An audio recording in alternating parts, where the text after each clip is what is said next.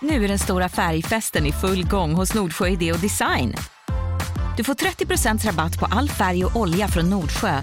Vad du än har på gång där hemma så hjälper vi dig att förverkliga ditt projekt. Välkommen in till din lokala butik. Nordsjö idé och design. Podplay.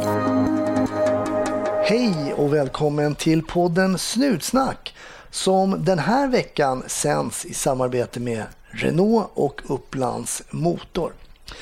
Jag kommer när jag jobbade som polis att eh, det fanns en del bilmärken som var lite så här svårstavade. Och eftersom man inte hade tillgång till Google eller något sånt där så hade jag så här minnesramsa. Eh, som Renault till exempel så var min då Rena Ult. Rena Ult, då visste man, ja, det, men det ska ju sägas liksom på lite franska. Renault, Renault. Eh, Renault har ju en SUV nu som heter Captur. Eh, det är väl deras eh, senaste SUV tror jag. Ja, hur stavas Captur då? Inte vet jag. jag vet inte ens hur man säger det på franska. Renault Captur. Eh, om du är lite nyfiken på Captur så kan du åka iväg till Upplands Motor. Kika hur det stavas.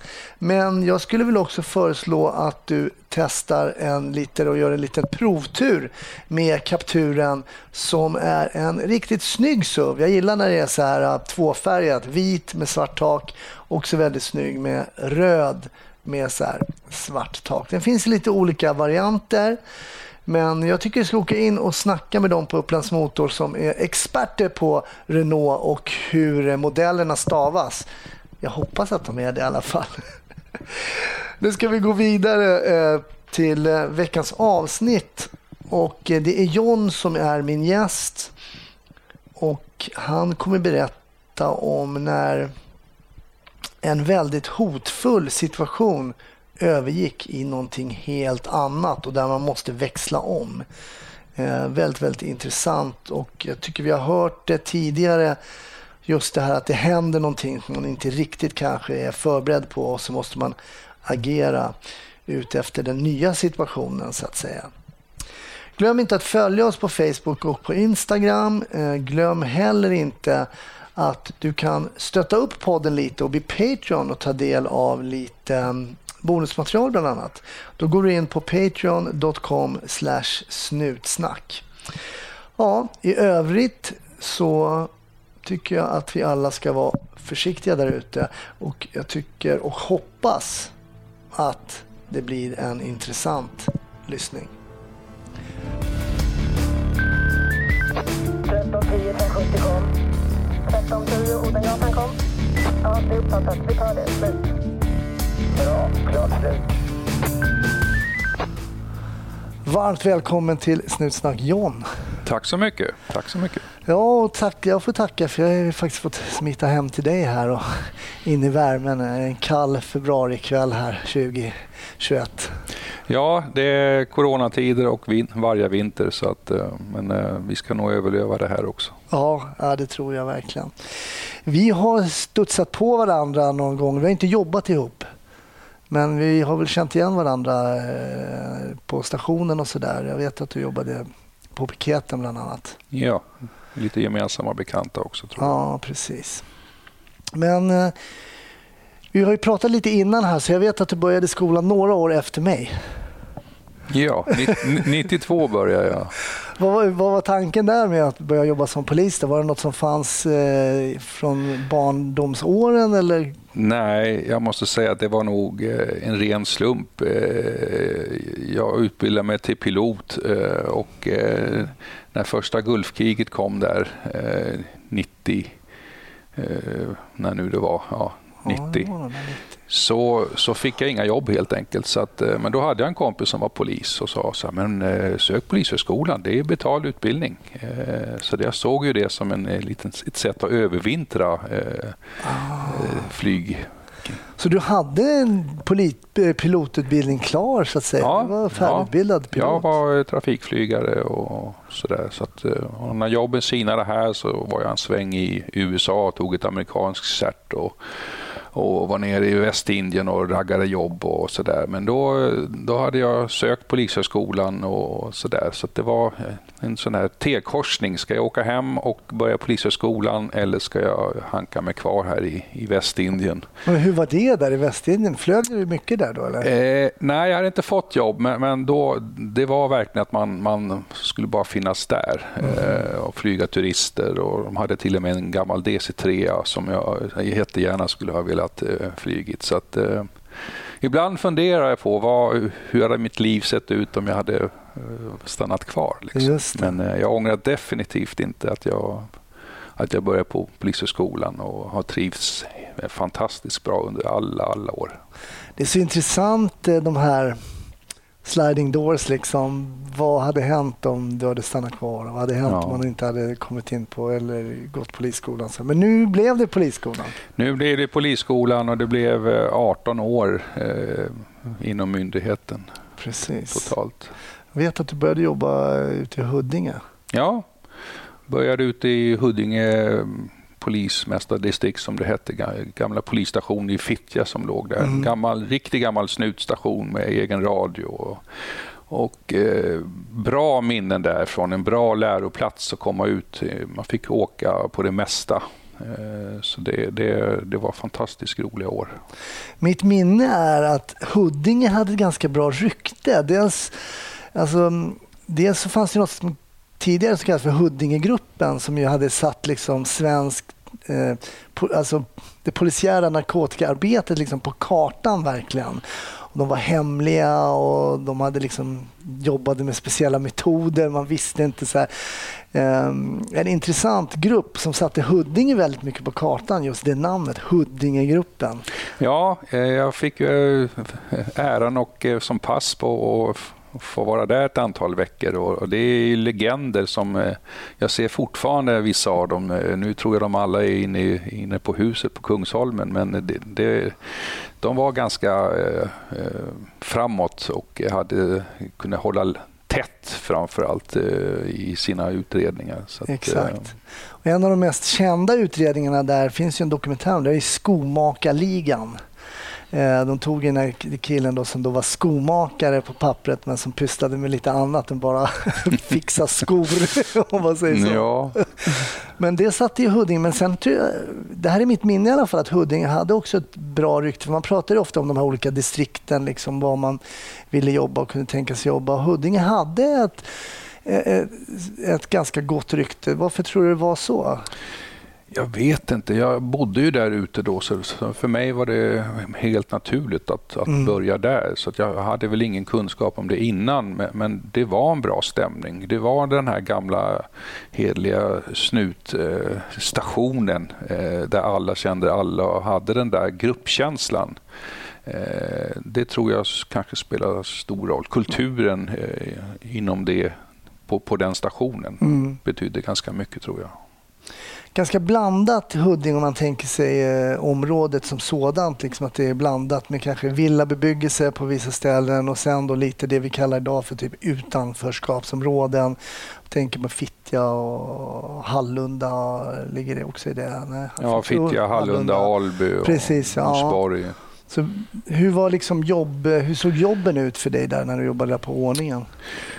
Ja, det var verkligen blandat. Eh, Det var högt och lågt. Eh, Man fick åka på allt. Eh, Jag tror Idag ser det väl lite annorlunda ut både för, för den enskilde polismannen men jag tror områdena har väl förvärrats där ute. Alltså norra Mm. Botkyrka, det är ju de här utsatta områdena så det, Mm. det har nog tuffat till sig eh, ännu mer idag. Mm. Men kände du av det som enskild polis då att det här är områden som kanske kommer bli mer och mer problematiska eller kände man redan då att här skulle man behöva hur tänkte man då? Ja, eh, jag minns en episod. Då jobbade jag som, eh, som närpolis. Det var ju det första närpolisområdet ute i norra Botkyrka. Jag skulle hålla lag och rättundervisning med, med, med sjuorna på, på Fittjaskolan.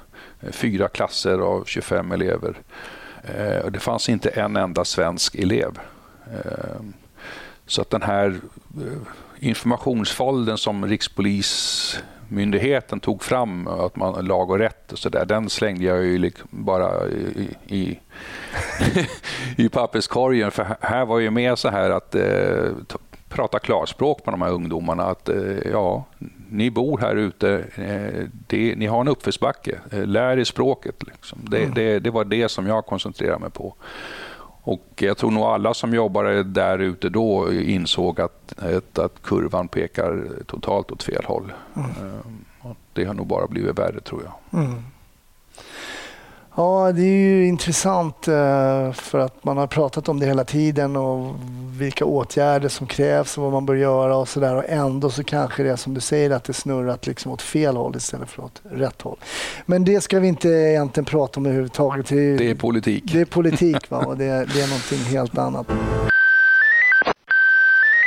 Men hur länge är du där i Huddinge då? Jag är där eh, fem år ungefär, Mm. eh, inklusive skolan. Då. Eh, Mm. Och så sökte jag mig vidare då in, in till piketen. Hur kommer det sig att det blev piketen? Då just? Ja, jag har väl alltid haft rätt mycket adrenalinbehov i mig så jag tyckte väl att, att de utmaningarna och, och de arbetsuppgifterna var väldigt intressanta. Ehm, Så det, det blev väl en naturlig del. Jag har Mm. alltid hållit på med idrott och lagidrott så att eh, den delen lockade mig ganska mycket. Vad kom du att jobba sen då på piketen? Jag hamnade först i C-turen eh, och sen bytte jag till E-turen sen så småningom. Eh, och då, på den tiden så hade de ju slagit ihop eh, Norrmalm och Södermalmspiket polis. Då, så att det, vi, vi satt på huset tillsammans.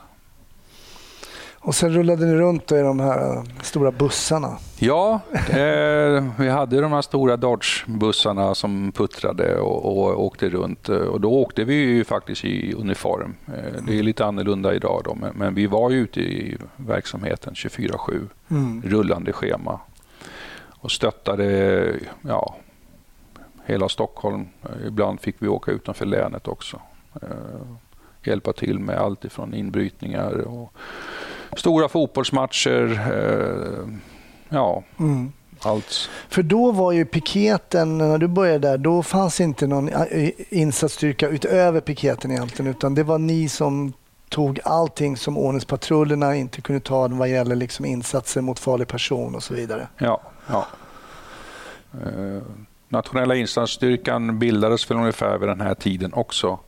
Eh, och då satt vi lite, lite grann i samma lokaler. Mm. Eh, men deras lagstiftning var ju lite annorlunda. De, det var ju inte riktigt lika lätt för dem att vara- bli operativa då. Det krävdes ju regeringsbeslut tror jag det var. Eller något sånt. Mm. Så, så vi, vi konkurrerade aldrig om jobben på det sättet. Nej.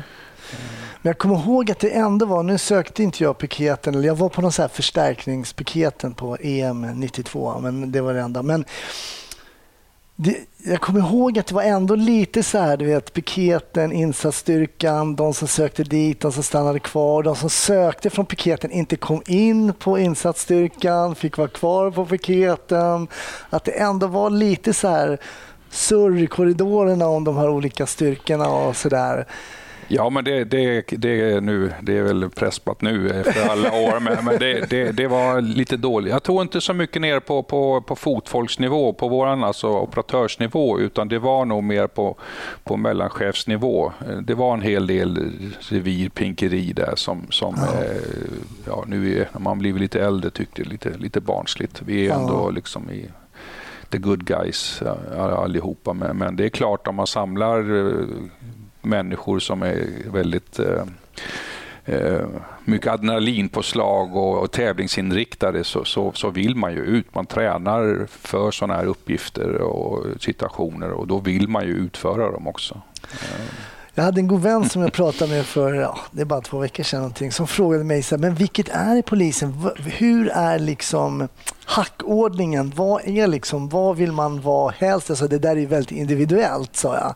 Men jag försökte liksom så här spontant sätta en egen liksom ordning att ja, men Säpo ligger högt, insatsstyrkan ligger högt, piketen ligger ganska högt, knarkspan ligger högt. Och då sa man, vad ligger lågt då? Trafiken ligger lågt. det är bara från min egen point of view. Liksom. Men det finns på något sätt kanske hos alla poliser eller också i olika grupper grupper där man liksom rangordnar de olika enheterna. Så det är rätt intressant när man tittar tillbaka på, på det. Som du säger att det är ganska fjantigt egentligen. Men... Ja, och, och alla typer av människor eh, och kompetenser behövs ju framförallt idag. Eh, och, och där kan man väl, eh, utan att för, bli för politisk, måste alla genom samma nålsöga på Polishögskolan. För det, det, det är komplicerat och mångfacetterat yrke idag. Så att, Mm. eh, men visst, eh, pratar vi unga grabbar på 25 år eh, som gillar att träna så, så, så kanske målet då är att hamna på de här insatsstyrkorna eller på, på Säkerhetspolisen. Mm. Men jag tror det är ett litet annorlunda tänk idag. Mm faktiskt. Nej, men det är ett ganska intressant tänk att om man till exempel är väldigt intresserad brottsutredningar till exempel, man vill bli en duktig förhörsledare och så vidare, och så vidare då kanske man kan gå en utbildning som specialiserar sig på det. Och Man kan också gräva lite djupare kring förhörsteknik och så vidare. och så vidare. Vad vet jag? Det skulle kunna vara en lösning. Eh, med precis det du säger, att måste man ha den här breda pens, pensla ut det så här brett och sen kunna lite av varje eh, istället för kanske Ja, jag tror väl att vi är på väg dit. Eh, Nu ska det bli 10 000 nya polisanställda pratar man ju om och inte poliser. Och jag tycker faktiskt att det är, det är sunt, ett, ett sunt tänk och, och helt rätt. Mm. Ja, det ska bli intressant att, att, att, att se vad det, var det tar vägen. Hur var tiden på piketen då? Ja, den var fantastisk. Det, det var väl eh, bland mina roligaste år. Eh, och det är ju kopplat till att man, om man gillar man träning, man gillar att jobba i grupp, hållit på med, med lagidrott och, och få den få förmånen att kunna träna och, och, och verkligen specialisera sig på, på ingripande mot farlig person och på det sättet så är det helt fantastiskt. Mm. Eh, Det, det sticker jag inte under stol med. Det var fantastiskt roliga år. För det är så intressant. Vi har många gånger i den här podden pratat om så här, uttagningar. Är du lämplig? Är du olämplig? Och så vidare för de olika tjänsterna. Och för några avsnitt sen så pratade jag med Jenny som jobbar som är Sveriges första polisiära helikopterpilot.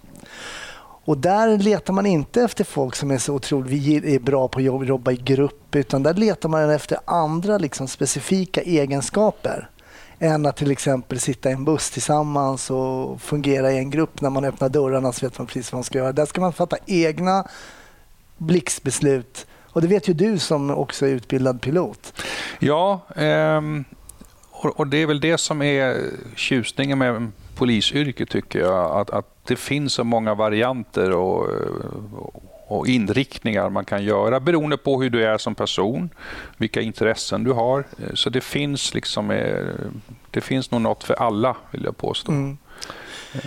Hur, hur liksom sammansvetsade blir man när man åker i en, en grupp, då, en piketgrupp som du gjorde? Och ni åker alltid samtidigt egentligen, sitter i den här bussen. Hur, hur, vad händer liksom grupppsykologin här? Hur, Ja, men man lär ju känna de här eh, individerna bättre än ens egen eh, fru, tänkte jag säga. Eh, Men på, på gott och ont. Eh, Men på ett sätt, så, så eh, när det väl är skarpt, eh, så måste man kunna lita på varandra. Man vet eh, varandras eh, starka sidor, svaga sidor. eh, Och det är nästan ett, ett, ett krav för att kunna utföra de här eh, arbetsuppgifterna. Så mm, mm. det, det, är, det är ett måste helt enkelt. Med det sagt vill jag också ta hatten av för, för de ordningspoliser som, som jobbar där ute. Eh, därför att en piketpolis, vi åker ju aldrig in i någonting utan vi åker ju oftast till någonting där vi har kunskap, vi har tid att förbereda oss mentalt och utrustningsmässigt och taktiskt. Med, medans då en, en vanlig radiobilspatrull åker på sitt eh, 51 lägenhetsbråk och, och då kan de hamna mitt i en situation som, som, är, som är jobbig. Eh, så det, det är för och nackdelar. Eh, Men jag har full respekt och framförallt för dagens eh, poliser som, som jobbar där ute. Eh, det, det är tufft alltså. Det är, eh, nästan säga att de är tuffare än vad, än vad piketpoliserna eh, är liksom på det Mm. sättet mentalt. Hur blev ni bemötta Och jag tar dels när ni kom ut på jobb från, av allmänheten, när ni kom då, det här så här, nu kommer jag lite fördomsfullt måla upp bilden av piketpolisen, men när ni öppnar dörrarna till den här Dodgen så kommer det ut stora eh, grabbar, eh, lite det här gorilla-killarna eh, liksom. Hur blev ni bemötta? Ja, men, ja, jag tror att vi, vi tog nog rummet och vi tog platsen ganska snabbt. För det, folk och även busarna hade faktiskt respekt för, för polisen på den tiden. Eh, mer, definitivt mer än vad de har idag. Eh, det fanns liksom inga mobiltelefoner och eh, på det sättet som, som det finns idag och en helt annan respekt för, för, för rättsväsendet. Eh, men det är klart att, att vi, vi, eh, när vi kom på plats, då, då tog vi rummet, eller platsen. Eh, och det var ingen snack om saken. Eh, kroppsspråket på, en, på, på, på den tiden, det, det var ganska stora killar på den tiden. Det är helt annorlunda idag. Dagens eh, insatspoliser eller piketpoliser ju- ser ju kanske inte riktigt ut som, som de gjorde eh, på vår tid. Nej. Men du sa att det här var den roligaste tiden. Var så spontant sa du att det här var den roliga. Va, va, är det någonting, varför tänker man tillbaks på den här tiden? Eller du tillbaks på den här tiden som den roligaste tiden? Liksom? Ja, Men det var nog både att man kände den här gruppen. Eh, Man fick göra otroligt eh, intressanta och, och eh, häftiga insatser eh, och verka i miljöer so- som, som är ganska unika. Det var adrenalin, väldigt mycket adrenalin. Mm. Vad gör den här adrenalinen med dig? Är den positiv eller är den, kan den också vara negativ? Då var den bara positiv. Eh, jag växte som människa och mitt självförtroende växte. Eh, men även samtidigt så blev man också ödmjuk eh, inför ja, de personerna och, eller målsägarna man träffade och, på det sättet. Men, men det, det stärkte mig. Jag hade ett ganska stort behov av de här adrenalinkickarna när jag var, när, när jag var yngre. Eh, Så, så för mig var det ett, ett bra sätt att, att få utlopp för det. eh, och Kunna göra nytta samtidigt. Jag brukar alltid fråga min gäst om ett minne från eh, liksom, den polisiära tiden som sitter kvar på, av någon, en eller annan anledning. Är det från den här pikettiden? Eh, ja, det vill jag nog påstå. Eh, ja, det, det var, eh, vi åkte på en, eh, ett jobb ute i söderort där, där det kommit in larm om att det var en gärningsman som hade skjutit en, en annan, vad vi förstod, buse. Eh, och han sprang runt i ett bostadsområde med, med, med det här vapnet. Eh, och då åkte vi dit, på med utrustningen och, och ut och, och då fick vi rapporter om att han sprang i bostadsområdet. Och då eh, åker ju de här jaktinstinkterna på. Så att eh, vi följde egentligen folk som stod och pekade vart han hade sprungit. Eh, och man var ju ganska ung och vältränad på den tiden. så att ehm, eh, Jag sprang ifatt honom och gruppen var, kom strax efteråt, eh, precis bakom mig. Men han sprang upp på ett berg och där ner mot vattnet, ett staket. Och han kom inte längre.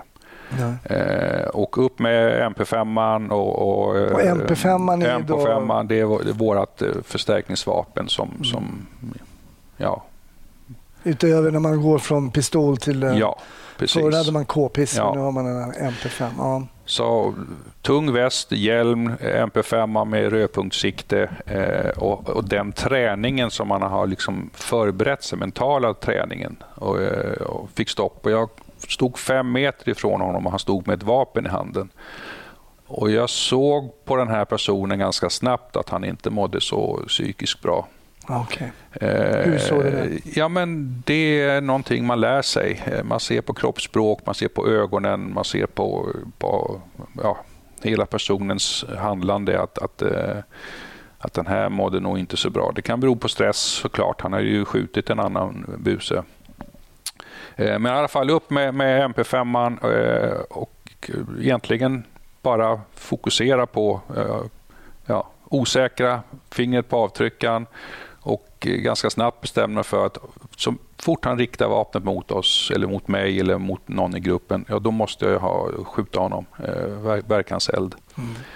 Gruppchefen kom upp bakom och började förhandla, typ släpp vapnet, släpp vapnet. Eh, och han eh, börjar fibbla med sitt vapen fram och tillbaka, men inte riktade mot oss.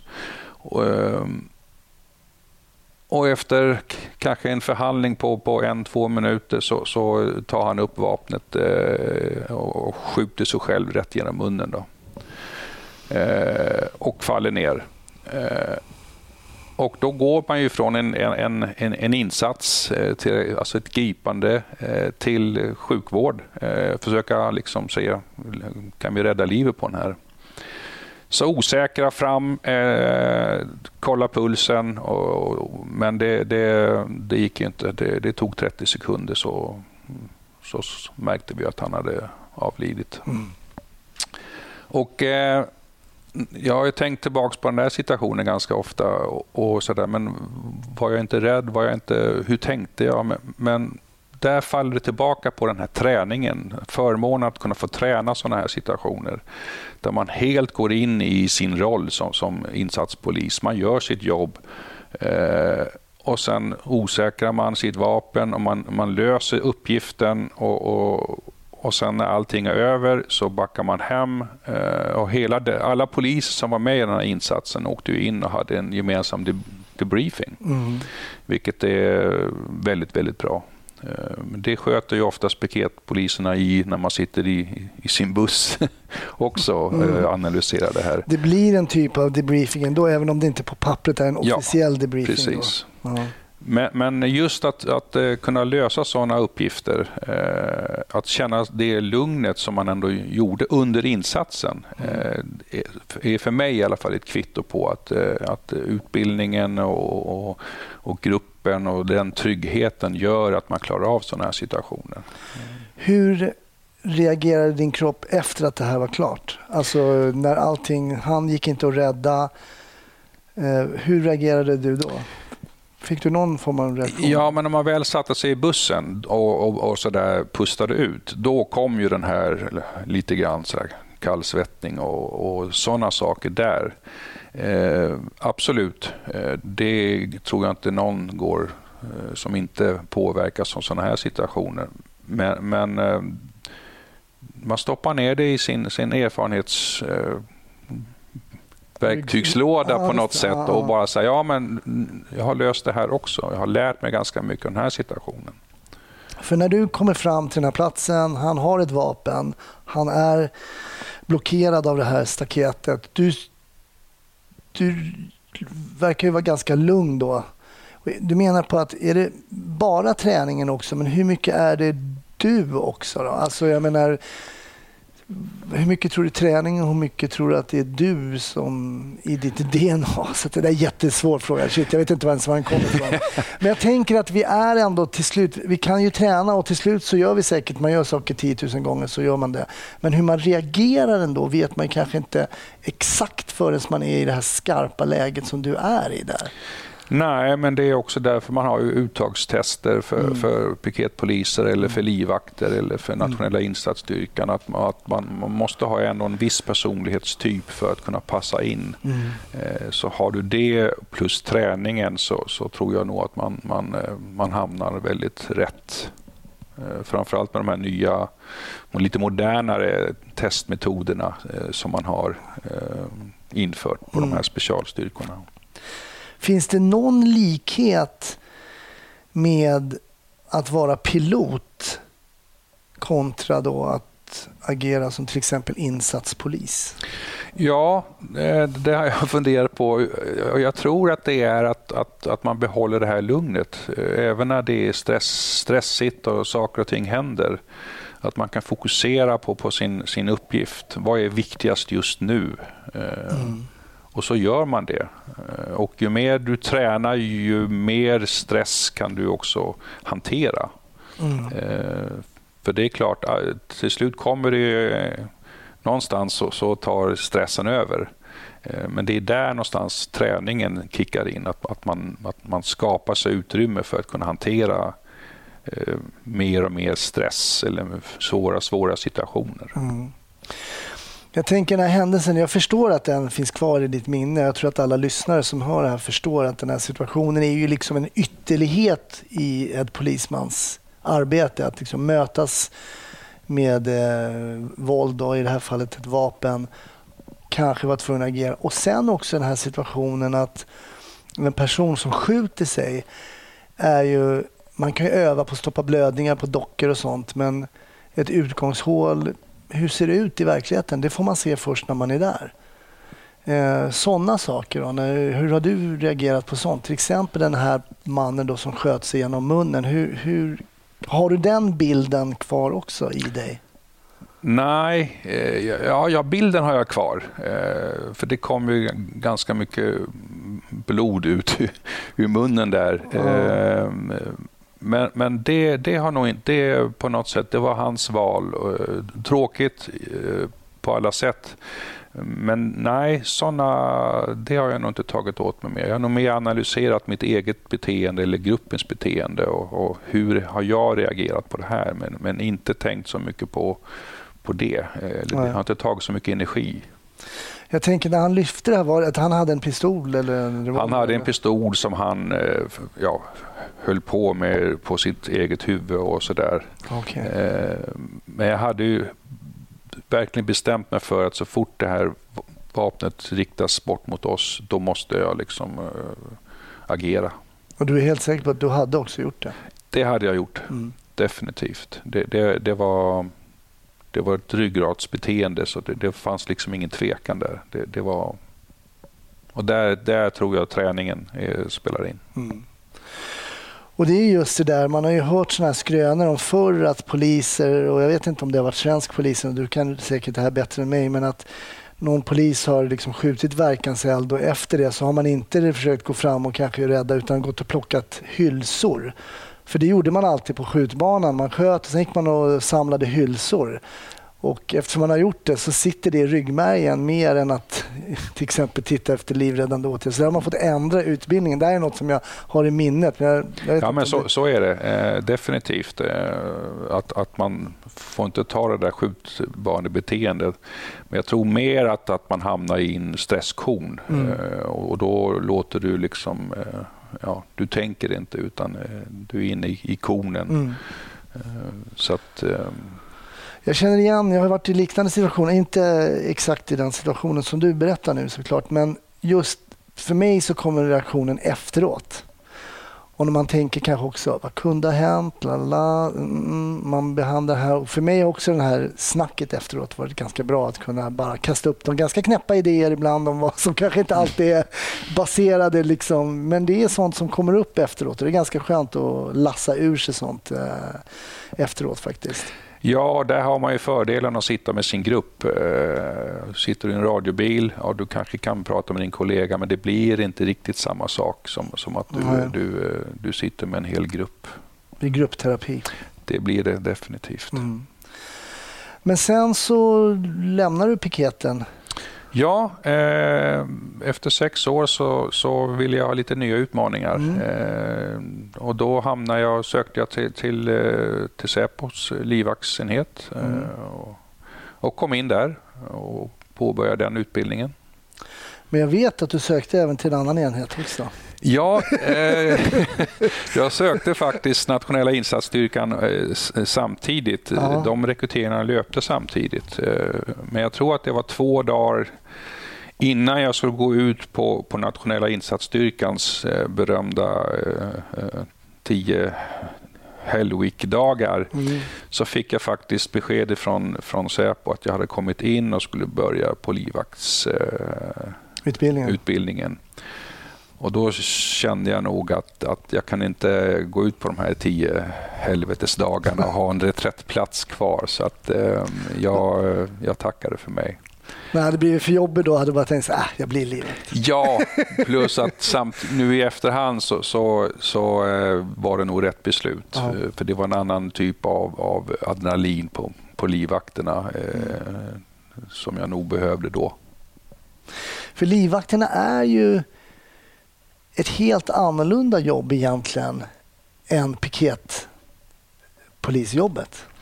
Ja, absolut. Eh, Det, det är inte så mycket action om man tänker så på livvakteriet. Utan, Nej. men, men om det händer, du kommer aldrig vara förberedd då. Utan det, det bara händer och då ska man ju kunna agera. Mm. Eh, och explodera och, på det sättet. Och där är det ju nästan i eh, det här läget som du pratade om, radiobilspolisen, att de kommer in i någonting som... Jag menar, händer det någonting med ditt skyddsobjekt så kommer det hända när du kanske minst anar det. Ja, Och då är du kanske själv med en kollega och ditt Ja. ja. objekt. Men, men då, från, från mitt perspektiv, så, så att kunna ha då den, en piketbakgrund i, i livvaktsrollen eh, gynnar nog bara eh, själva uppdraget därför Mm. att du, du, du vet hur du ska agera. Eh, Du har varit i sådana situationer tidigare. Eh, Så för mig var, det ett naturligt steg att, ta, Mm. eh, vill jag påstå.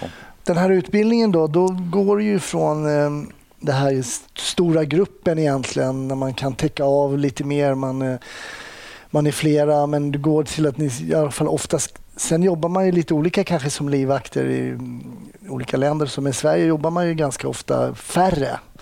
Inte Ja. med så här, det har jag lärt mig med, som man gör i andra länder med sektorer, att man ska liksom vara många och, och så. Men i Sverige kanske i Norden jobbar lite mer eh, nedskalat. Ja, eh, det är ju oftast en som tar sig an hotet och en som tar sig an sin eh, skyddsperson. Eh, Det är väl det, det enklaste sättet. Så finns det lite nya roller, eh, personskyddskoordinator och, och sådana delar. Men, men det traditionella livvaktsskyddet består ju av, av två personer. Eh, En som tar sig an skyddspersonen, eh, evakuerar den ut från det farliga området eller personen och en som går mot hotet. Mm. Vad tyckte du om den utbildningen? Den var också fantastisk, eh, lärorik. Det var allt ifrån eh, självskydd till att eh, köra bil, både på, i vinterväglag och allt möjligt. Eh, Livvaktstaktiken såklart. Men även, det låter konstigt att läsa och äta med kniv och gaffel som vi skämtsamt brukar säga. Vi fick faktiskt gå en, en liten kurs på, på Grand Hotel där man fick lära sig eh, besticken och sådär om man nu skulle hamna på en, eh, på en Nobelmiddag. Så, så, eh, Vett och ja. etikett helt enkelt. Vett och etikett, fantastiskt roligt.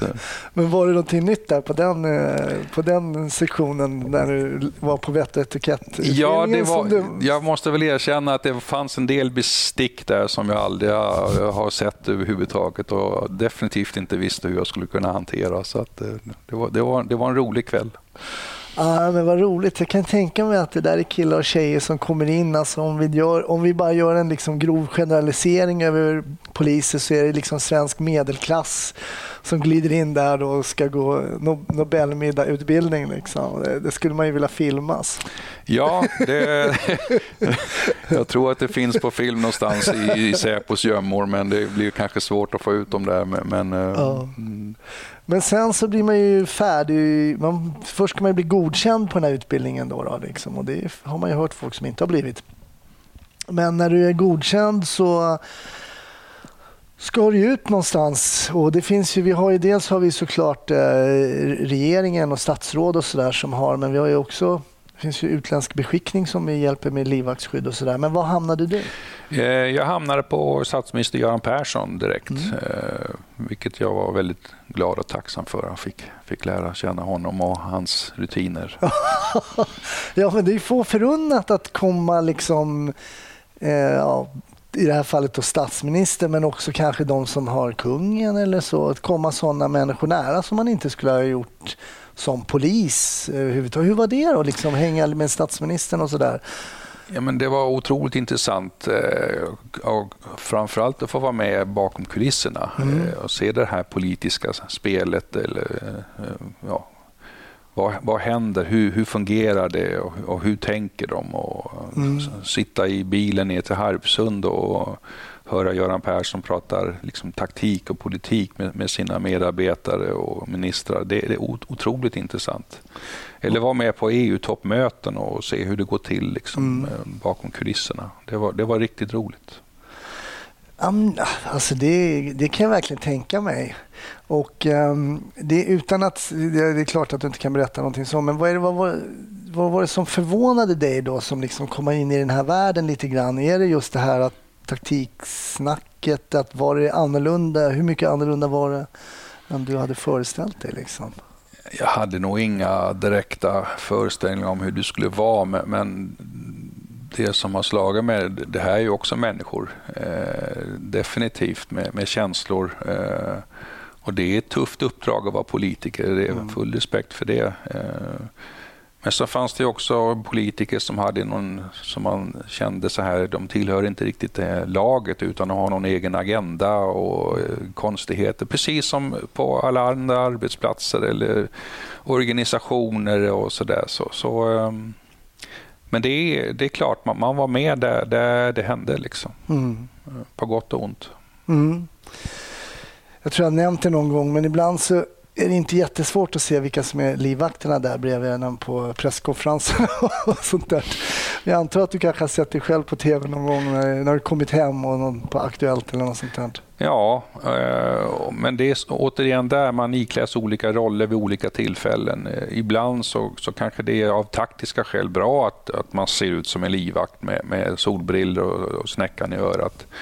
Medan andra tillfällen så håller man en väldigt låg profil eh, därför att det, du behöver inte, det finns inte människor runt omkring som, som, som märker din skyddsperson. men då håller vi en låg profil. Mm.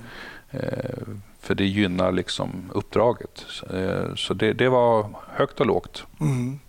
Spontant när man tänker tillbaka man tänker på mordet på Olof Palme, som man pratar om så här, Sverige före och efter mordet på Olof Palme. Och att det var egentligen helt sanslöst att vår statsminister på den tiden inte hade livvaktsskydd. Ja, eh, han hade ju det, men han skickade ju hem dem då. Ja, eh, men om Göran hade sagt så här, jag ska gå på bio, ni får åka hem. Ja, det, det kanske han skulle ha sagt, men vi, vi hade nog inte åkt hem. Därför att, eh, idag så ingår det i, i, i, det uppdraget som statsminister att du får faktiskt fin, finna dig i att ha, ha, ha livvakter. Mm. Um, ja. Mm. Äh, det var bara en tanke som kom upp och det, det, är klart, man gjorde väl en bedömning utifrån det läget som rådde i Sverige just då såklart och det är lätt att sitta här och vara efterklok.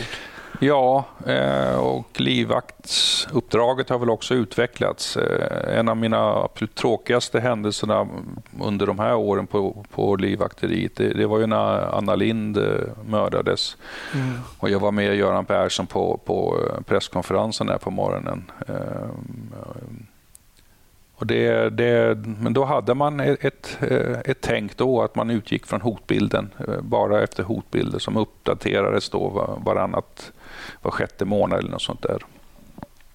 Eh, och efter den händelsen har man ju ändrat det. regler. Utredningen kom till och man såg liksom på hotbilder på ett helt nytt sätt, eh, ett modernare sätt.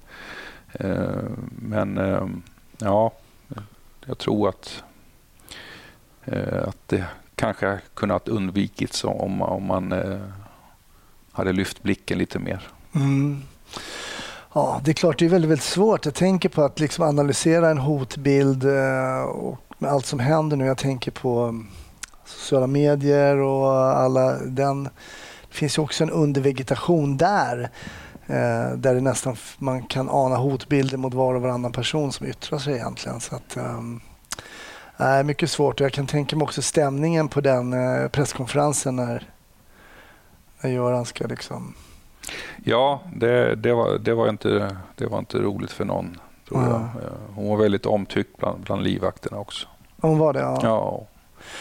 Blir det så, det känns som en retorisk fråga, men det är klart att även eh, surret bland livvakterna blir liksom vilka som är bättre och sämre och vara livvakt åt. Du behöver inte avslöja någonting, men det, det måste givetvis vara ett samtalsämne. Ja, självklart. Jag menar, livvakten är ju också människa, eh, likväl som våra skyddspersoner. Eh, och eh, jag har full förståelse för att det kan vara otroligt eh, jobbigt att ha, ha ett livvaktsteam efter sig. Mm. Eh, så att, jag, jag tror livvakten, den enskilde livvakten har också förståelse för att, att, eh, att skyddspersoner kanske inte alltid eh, har bra dagar, om Nej, man uttrycker sig som säger.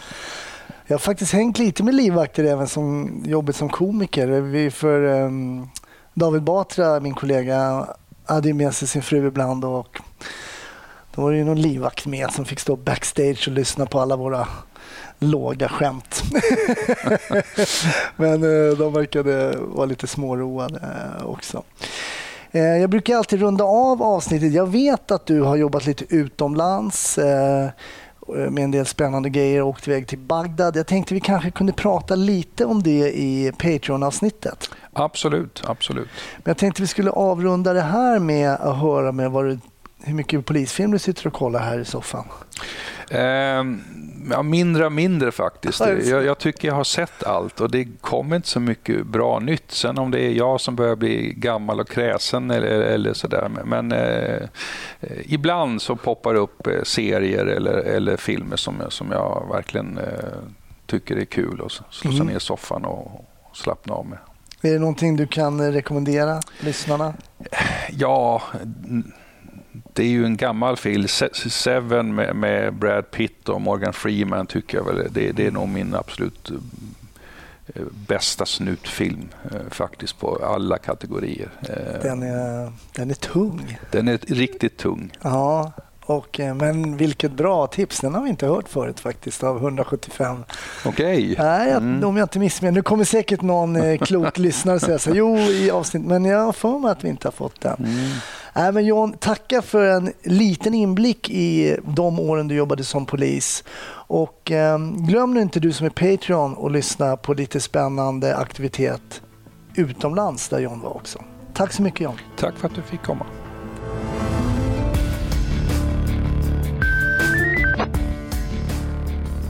Stort tack. Eh, då är Snutsnack slut för den här veckan och eh, jag hoppas att du lyssnar även nästa då det kommer ett väldigt intressant avsnitt med Isabelle som eh, jobbar i Sundsvall. Ja, håll till godo. Gå in på Patreon om du vill vara med och stötta podden och få del av lite bonusmaterial. Då är det patreon.com snutsnack. Vi hörs nästa vecka. Ha det fint. Hej!